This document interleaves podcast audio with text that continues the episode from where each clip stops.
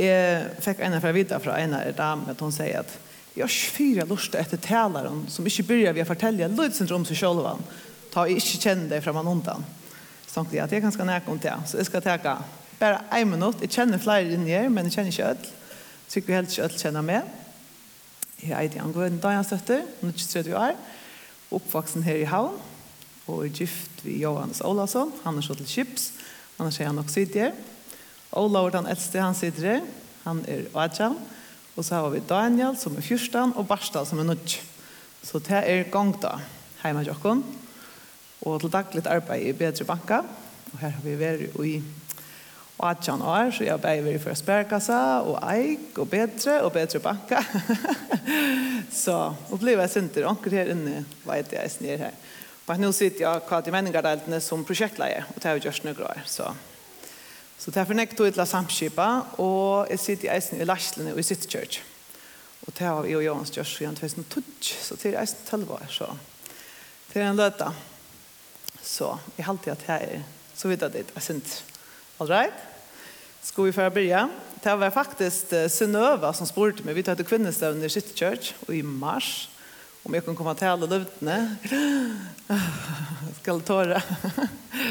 så sier han vi får heva om samleik okkar i Kristus og det har vært jeg skulle ta oss om hvor god sier okkar vera. Og tog elskjønne sannsjene, han spurte der synes ikke andan for jeg ofta fra hjemme til okkar I am who I am because the I am tells me who I am. Og det er det er unger ofta hjemme til okkar men akkurat sin setningen hvor er du? Hvor sier jeg du? Hvor er nere finnes han råkner vi at ødla finnes det? Og utan jeg kan huske om hvordan ofte du sier navnet til deg, og hvordan det ångsvegna definerer hver du er.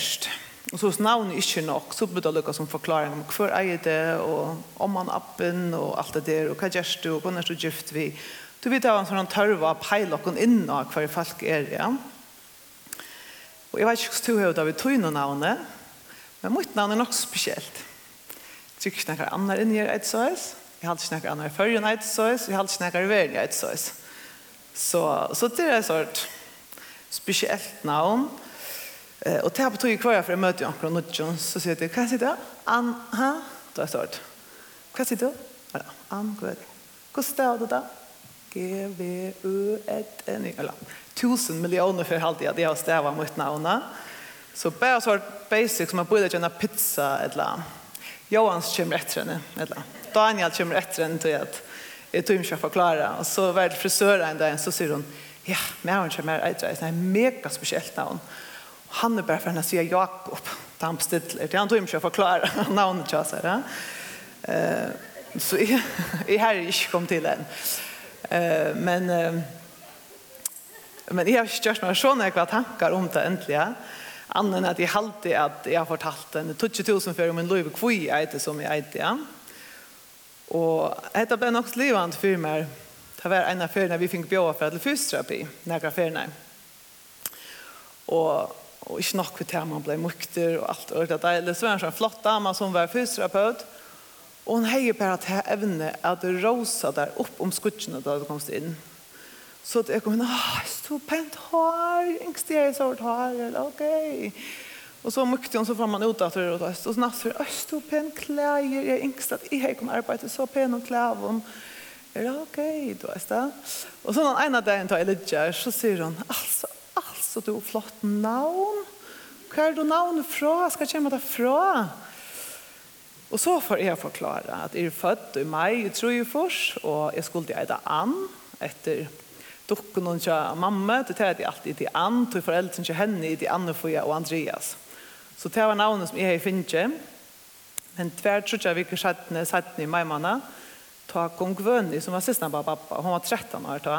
Kom av vidtja mamma, tror jeg at. Nå, jeg var akkurat blitt født. Og hon kom av vidtja med og er noen foran i Østrøyden, at hun skulle vikskift her. Og det var en lukkelig hente at bilen kørte det av, og hun døg. Så tog fikk jeg til navn i eisen, ja, at jeg slet Ann Vønni. Wow, sier hun så vi tar en flott ansi i fyrjun, at vi er oppkallat deg som er færen undan noen, så skal vi være veit av minnene om det, ja. Og utan at jeg endelig hokser meg om, så sier jeg ja, det er en flott sier. Men han fyller ikke i baden som ber han arven resten av løvene. Og jeg som så ikke ordentlig gjør meg gater om til åren, til å lukke som kom bare ur meg. Så jeg har ikke kjent på henne. Jeg har bare hørt om henne. At hun var så utrolig pen. Og hon som inte klassade sig, hun fortalte meg at alle drönsjene var forelsket på henne. Og, men, men jeg har ikke hatt noen forhold til henne. Jeg har bara hörst från öron hur hon var. Uh, og jeg tror vi att flera inne här tid er sikkert uppkallat etter omkron som de kan skal kjenne. Kanske det var en omma eller appe som tid har haft ett förhåll till. Så tog vi vita att det är kvart det är det ber på. Ehm Og det har vi ikke, vi minns godt, jeg det 13 år, eller, uh, er det nå er færre, eller, hva, hva er det som fyller vi til navnene som man nu finner, eh, til ikke fyllt nek, men akkurat sort, tanken streifere, og så kom jeg til akkurat, er det navnet som definerer hvor jeg er? Det? Um, og så husker jeg om, hun tar på med snakka om samleika okkar i Kristus, ja, Og tar det sin til til ta navnet som vi da finner, men hvor er det han sier opp må være. Eh, uh, etter det formelle navnet, altså det som jeg har finnet fra foreldre som jeg kommer her, eller som tid jeg har finnet. Men det kan eisen bli et eknevne, eller et stempel, som enten vi selv, et eller annet annet er kors om man har åkkerne. Uh, er det så åkkere samlet? Er det åkkere identiteter? Det som åkkere annet sier om til hvor to er det? jag har åkt ihåg, jag har inte tittat ihåg i X-faktor och forskjelligt sådana, jag har sådana programmen hon så ser man det hos ofta vi är ung och ganska äldre folk och så ser det, ja, jag är Ida, eller jag det Nils och jag blir jävligt lapp i skolan. Jag har faktiskt fått offer för happing. Och så får jag så här, åh, alltså att det att det får förfärligt att det är hänt men att det blir identiteten. Det att henne för ut i världen och ska fortälja hur det är det så er det det. Det er offre, det som er vær utfyre, det som hender meg, at det ble ut herre navn, at jeg ble ut herre identiteter. Eh, og også jeg nok sier at løyva vi tingene som er hent, er være det som vi identifiserer oss med, vi, akkurat som vi tar en sånn kappa på åken, ja, ja, jeg vet det tog at nu hent i också så blev det akkurat som en fylgesvein i köken allt lov ja Okej, okay, fylg mig en löd jag tror. Eh, vi får läsa om en händing som hände i Gamla Testament. Och det är om Jakob, son Isak, son Abraham.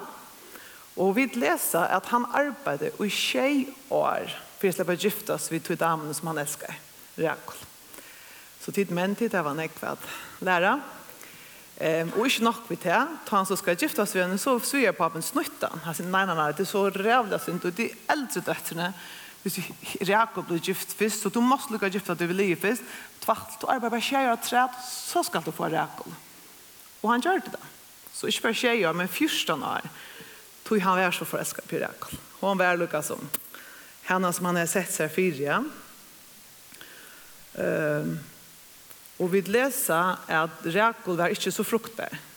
Så han fikk bøten bare vi leie, og vi tvei montanas kvinnen, Og så fikk han tvei bøtt med Rakola. Og omkurs vekten har blivit til Hans er Så Det er kjøret lov å si allmänt, men det ble det. Det ble vi hans favoritter. Og i første Mosebok 35, jeg skal lese til et ordentlig løytebrot og bøypene. Men i halda sier ordentlig, og det stendt her helt sikkert, tror vi skulle lese det for en grunn. Eh, og dette hender, da vi leser etter, da har Jakob arbeidet nekvar for svigerpappen. Og och strutst och strövat kommer till nu er vel, Nu får vi da flyta och nu ska det lyckas som täcka alt med filter och vi färdas det. Och, og starta med äckna. Och, i första Mosebok 35, 16 till 18 läser vi detta. Att så får du ta oss det ur Betel. Ta i teg høtt og och etter til Efrat. fikk räkol illt og föringar verskjer henne av våre herrer Medan värsterna vår uppe av det herraste sier mor og vi henne, øttast ikke. Eisen hese for fast og sånn. Men ui tog hun antaist, tog det var deg henne. Gav hun henne navnet Benoni, men feir hans gav hun navnet Benjamin. Og vi leser her om Rekol, altså kona Jakob, som ui så i noen aller sørste antadrøtte. navngjøve sånn til Benoni. Benoni og det er mest punsle sånne. Hun er fotla av sorg, og hun er kjett, og hun er sikkert brei, og hun innskjer helst sikkert ikke at dødja for sine bøttene, eller sine mannen som elsker henne over alt, og hun vil helst ikke slippe opp fast disse bøttene her, og hun vet at hun får dødja. Så ui sin frustrasjon, så gjør hun navnet punsle sånne. Det vil si, han skal alltid fortelle hvor han eit så, for sine bøttene, og for barna på någon och ötlund om seg. Og det som var vanligt i togene ta, det var att du namngav barnet ut från att man omstövnen som du åtti etter barnet i ja. Det som hände runt om födselen. Så ankersväckna så er det vel skyldet at hun nevner han han Og i min verden er det ikke inte på, det er jo bare punslan selv til som har åtten her, Vi är att eja ett barn. Men eisne är er at hun får hon fra henne. Og at hun hinner.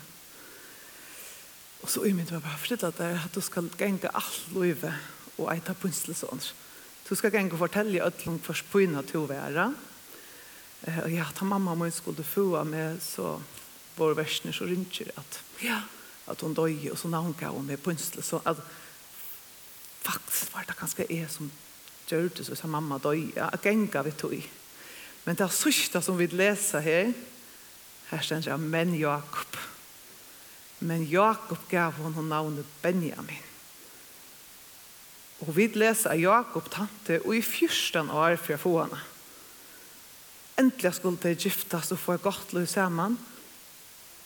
Og, og ankers svekna, hur han vært så rævlig gav vi rækla.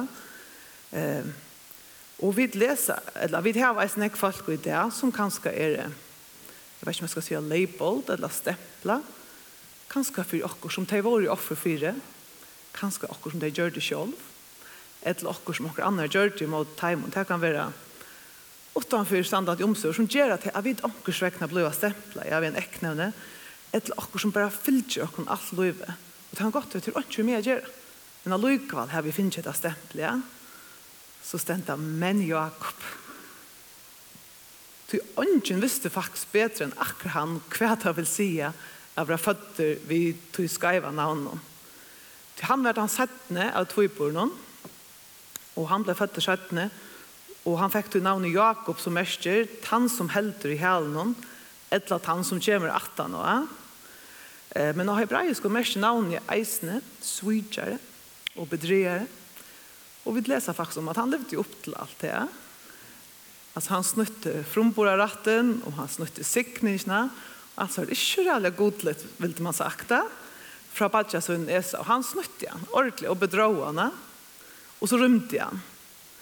Men bant åren vi läsa om att han möter Rekol och blev smask för älskar på henne. Så läser vi att han en av nattene ute, också sin öjmörsk och ymmen til mig, att han berges vi god alla nattene. Eh,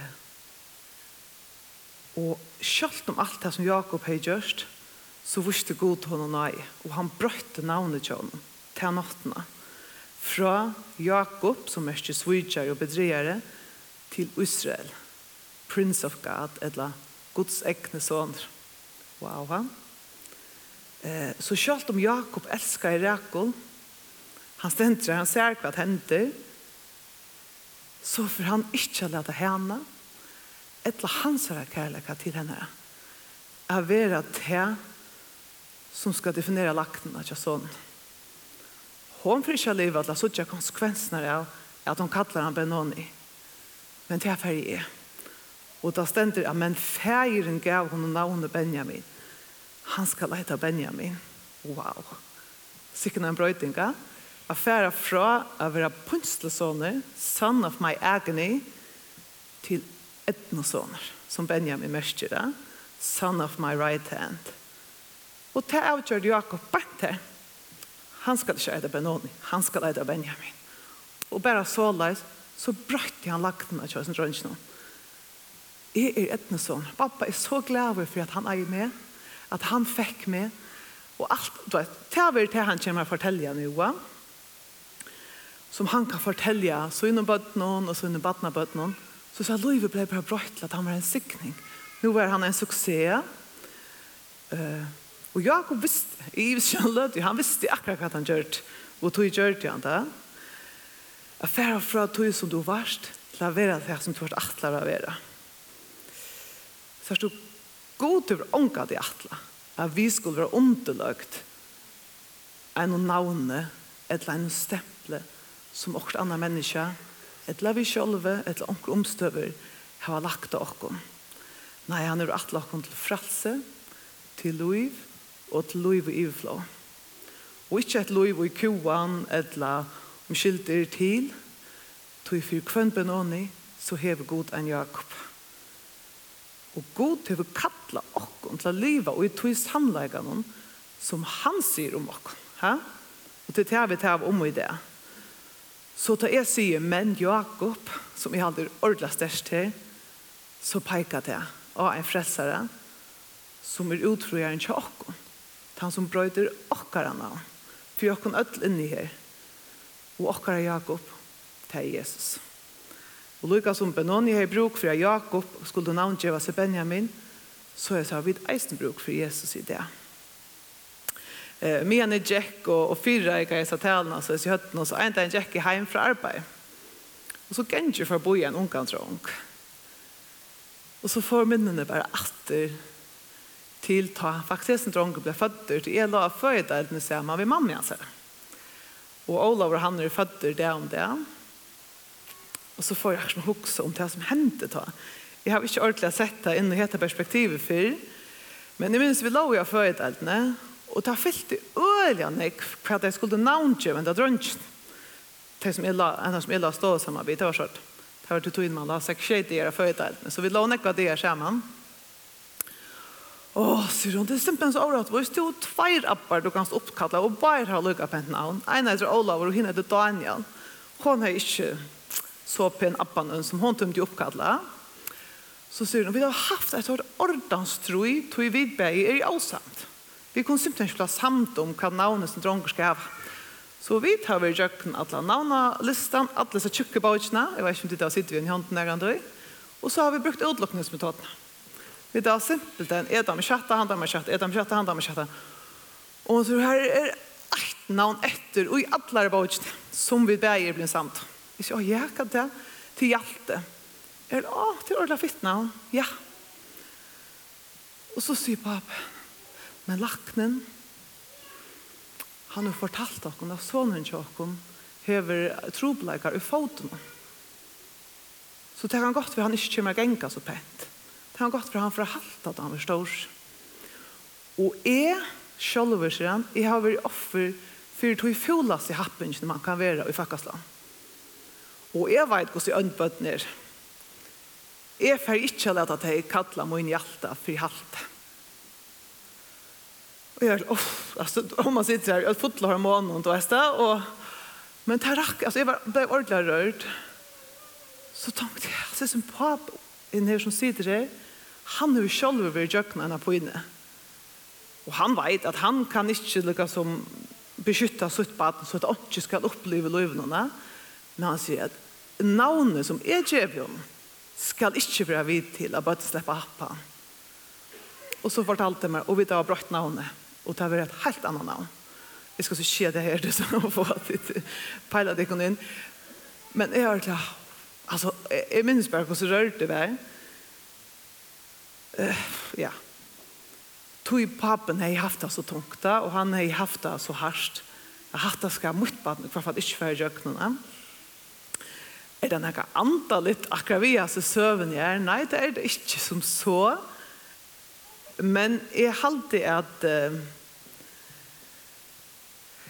ankers vekkene så husker jeg bare at ta en jøreske pape. Ja stor å spære suttbaden fire et navn som onker annars skal stempla det vi.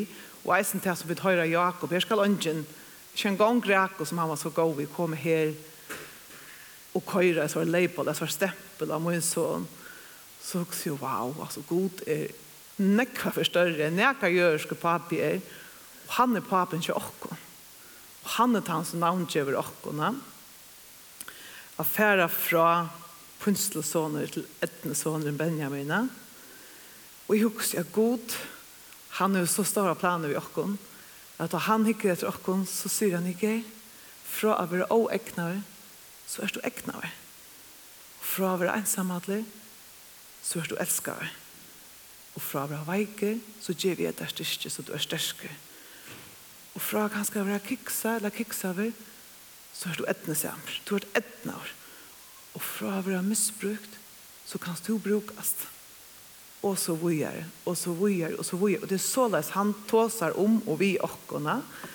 Eh, og jeg minnes godt, jeg hukte inn i egen i en som har gjort en størst ting til at nu skulle et størst prosjekt etnast, og ta kikk seg. Og nye nakka noen i flere år. Inntil en av personen hikker min en sier, hva skal jeg jeg har funnet ut det at selv om hatt av kikser så er jeg ikke kikser. Eller yes, nå er det finnes fædre at du er akkurat det som det er. Jeg husker, jeg vet alle av akkurat. Det er akkurat i livet noen som kikser. Det kan være en forretning som du atle skulle etna så ordentlig vel, og så kikser jeg det. Det kan være et ekteskap som du atler hetta skulle være alt livet, og så kikser jeg det. Det kan være akkurat arbeidsplassen, eller i skolan som bare skulle etnast, og det bare kikk seg. Eller akkurat forhold som dørst ui, som bare brast. Og det er så rævlig, jeg, altså, jeg trykker vi det her, og enda det dømer. Men jeg håper bare at jeg sitter ettervisen her, at det kan godt være at dere kikk seg, men jeg er ikke kikk seg over det. Du vet jo hva han kaller det. det stender at god er god og ikke menneske, at han kan ikke ligge Så trus du av god og at hans her år er innblåst av honom til å si til han som vil skrive av bøyplene så er du eisne trygg at det som bøyplene sier for god sier til verst og her er et hev av versen jeg har altså bare valgt akkurat ut her. Og jeg skal lese i Isaias 3,41 og her stender men nu så sier Herren han som skapte til Jakob han som mynda til Israel øktast ikkje. Jeg har frelst til, og jeg har kattla det ved navnet, og to er smøyn. Og i vers 4 sier han, og jeg tog at to er styra bærer og i og munnen, er hatt verdur, og jeg elsker det, Gjev vi er menneske i stedtøyen, og folkeslø i stegen for løvtøyt. Øttast ikkje, jeg er vittar. Og Jeremias 1.5 sier, åren er mynda i til mål og vi kjente i til. Og åren to komst ut ur mål fengje, halga i er til til profet tjauan har sett i til. Wow! Jeg har vi utvalgt ikon. Tid har vi ikke utvalgt meg, nei, jeg har vi utvalgt ikon. Tid er dorskjøpt. Og anker du hukse, vi er mennesker, vi er så ræst ned til skrua i saman hukse ofta.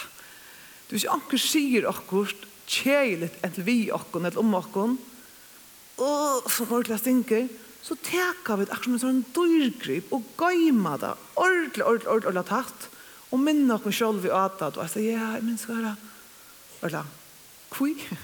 det gjør ikke vi og da så anker kommer og sier wow, jeg hadde du dos den så det, ja, tvart akkurat det skal ikke være vi vekk men alt er ringa og det er kjelja som anker en av seg vi akkurat det er gøyma vi det throw it away. det er slett det de skulle. Ha? Hvor gjør vi det? Nei, gå inn til å gå og la hitt fære. Og fære til god og spør god, hva sier du om meg? Du sier at jeg er elsket. Du sier at jeg er utvalgt. Du sier at jeg er skapt helt særlig. Du sier snakka, du er bare at du sier med. Du vil ha samband med meg. Og du sendte du Jesus av dødja, og så du kunne få samband med meg etter du synden ble stryka bort. Og da du sørst meg, så sørst du Jesus. Du sørst ikke alle mine feiler og veiklager, men du sørst Jesus. Ja? Og jeg husker ofte at han er oppgjørende som vi kanskje ødele sitter vi ofte, til, til liknende som vi trykker om oss selv. Og ofte så har vi slett ikke eimest at det er liknende. Du sa at vi ikke trodde. det. Hæ? Ja? Hvis vi visste det var en likt, så tror vi det slett ikke. Så i akkurat høtte, så gjør vi liktene til sannleggere. Eh, og det som akkur sier, til akkurat som slapp jeg vekst. Jeg så, det er slapp jeg vekst fremme. Og det blir en parster av akkur, og det er ganske blir akkur sannleikere. Eller hvor jeg sier at det er det. Um, jeg får ofte vite at det er så praktisk, men hvis de skulle fara hjem, vi einar oppgave i det. Så har vi hodet, kanskje men då sitter jeg lort der at hun å høre, ja men hvor er jeg hvor er det jeg er det hvis du fyrir hjem, og som den skriver til nye at det er negativt lukka som tankene som du hever om jeg, jeg kan simpelthen ikke brukes her og jeg er ikke god nok her og jeg vet at jeg satt til hatta og han kjør til hatta. Prøv å skrive det nye så blir det nok så reelt og simpelthen proskrät här papiret og fær så og fyllde vi hvor god sier du erst. Les hans her år om hvor du erst. Og til det du ska lärska. Skriva testas ner och hängt upp på kölskap och hängt upp på späckle. Och du ikke vet hva du skal begynne, så bare googla. Who does God say I am? Og så kommer rump, En sort häv av bibelversen. Hvis det ikke då på bibeln något annat. Jag tror inte på. Men jeg vet att jag ser öjla näck vers. Du god manglar inte å säga hvor han ser av videre. Det er ofte vi som mangler trykva til. Tog vi trykva helter okkar likn som okkar har soa nir i okkarna. Eh, så det kan henta så rænek og i loivnån tja okkar som gjer at vi eh, vi minnes ikke hver vi er jo i hånene. Um, og jeg minns som jeg alltid er ordentlig pen, til å stå til en ordentlig, ordentlig flott godlring. Ja så hever han et øyelig høyt og størst og flott vire.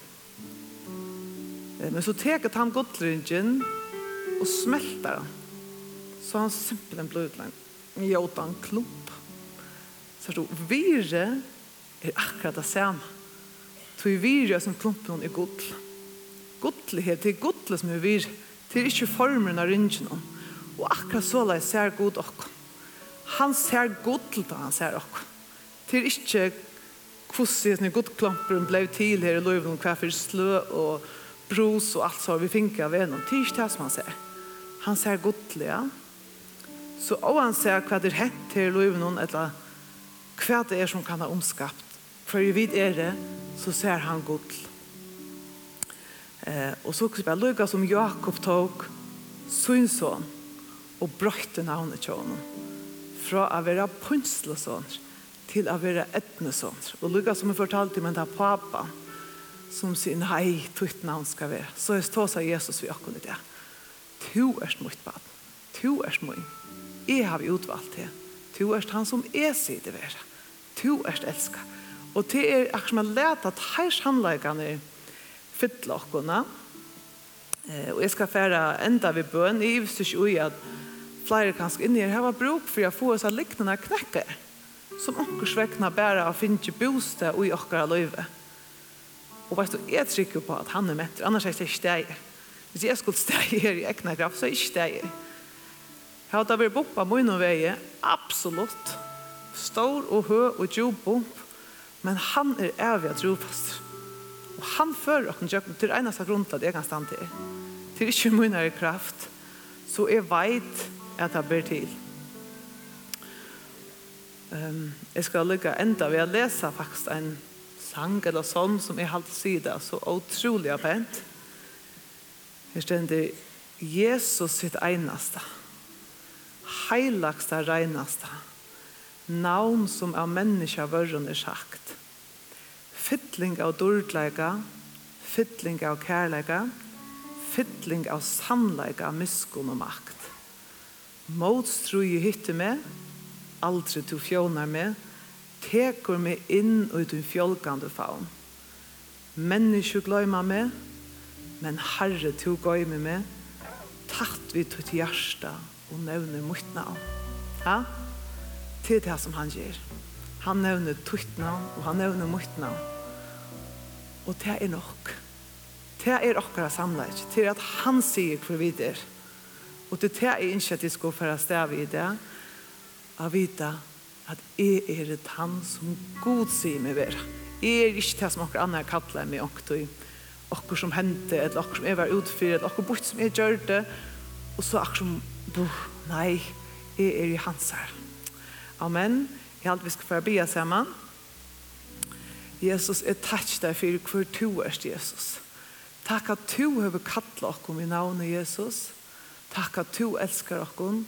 Og takk at vi er dorskjøpt, Jesus. Takk at du kan teka og hjelpe oss, Jesus, bare teka seg liktene, så tankene til å fenge Jesus. Du to har sikret av dem, Jesus, og to forteller oss hva vi er i det her, Jesus. Jeg blir det for alle som sitter inne her i det, Jesus, at du bare hjelper dem å teka seg tankene til å fenge Jesus. At vise dem og mer og mer, Jesus, for to sier at jeg er Takk for at du elskar oss. Du har kjøpt oss, Jesus. Takk at du elskar oss, Jesus. Og byd bare om at hun frier skal fylla en kvann som sitter her, Jesus. Og at her identiteter skal bare være stafest og hvor det er i det her, Jesus. Vi takkar at du brøyde lov, Jesus. Og det kan ønsken teka fra oss. Det som du sier om meg, Jesus, det kan ønsken teka fra meg, Jesus. Du tog sakta ut hun år, Jesus. Jesus. Takk at du elskar okkom og alltid er tja okkom. Amen.